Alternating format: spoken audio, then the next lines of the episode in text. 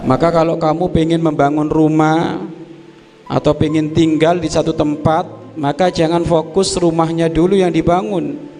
Akan tapi kamu tengok lingkungannya mendukung tidak. Aljar dar tetangga itu sebelum bangun rumah. Sama. Inti kalau mau belajar ke mana sebelum inti naruh pondok ketemu pondoknya dulu, inti tengok lingkungan pondoknya seperti apa. Lingkungan belajar itu seperti apa? Kenapa? Itu mempengaruhi. Jangan ikut-ikutan saja. Ente cek, dikontrol bagaimana lingkungannya itu.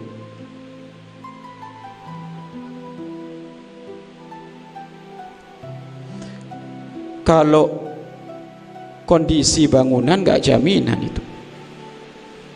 Pondoknya Rasulullah Shallallahu Alaihi Wasallam hanya sebatas terasnya masjid yang diisi 70 santi sampai 100 santri tapi hafal ribuan hadis hmm?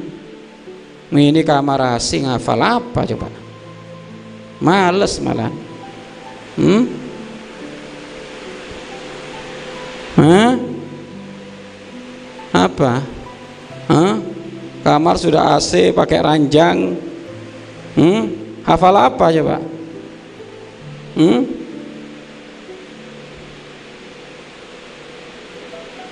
Bukan fasilitas yang dikejar, kualitas.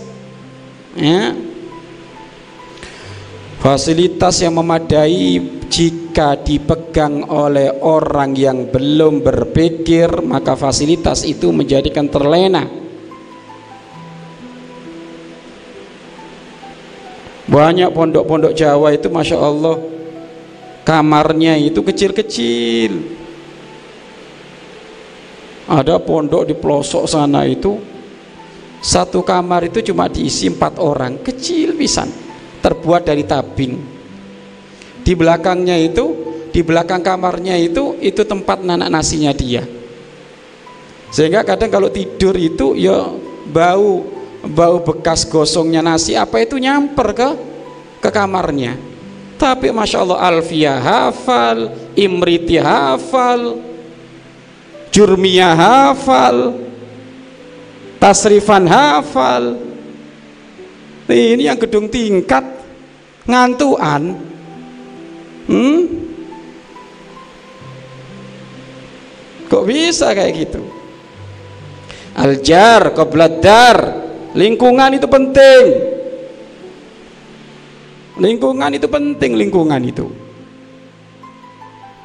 Hmm? maka harusnya kalau sudah sudah tempatnya enak seperti ini maksimal. Harusnya hasilnya juga mak maksimal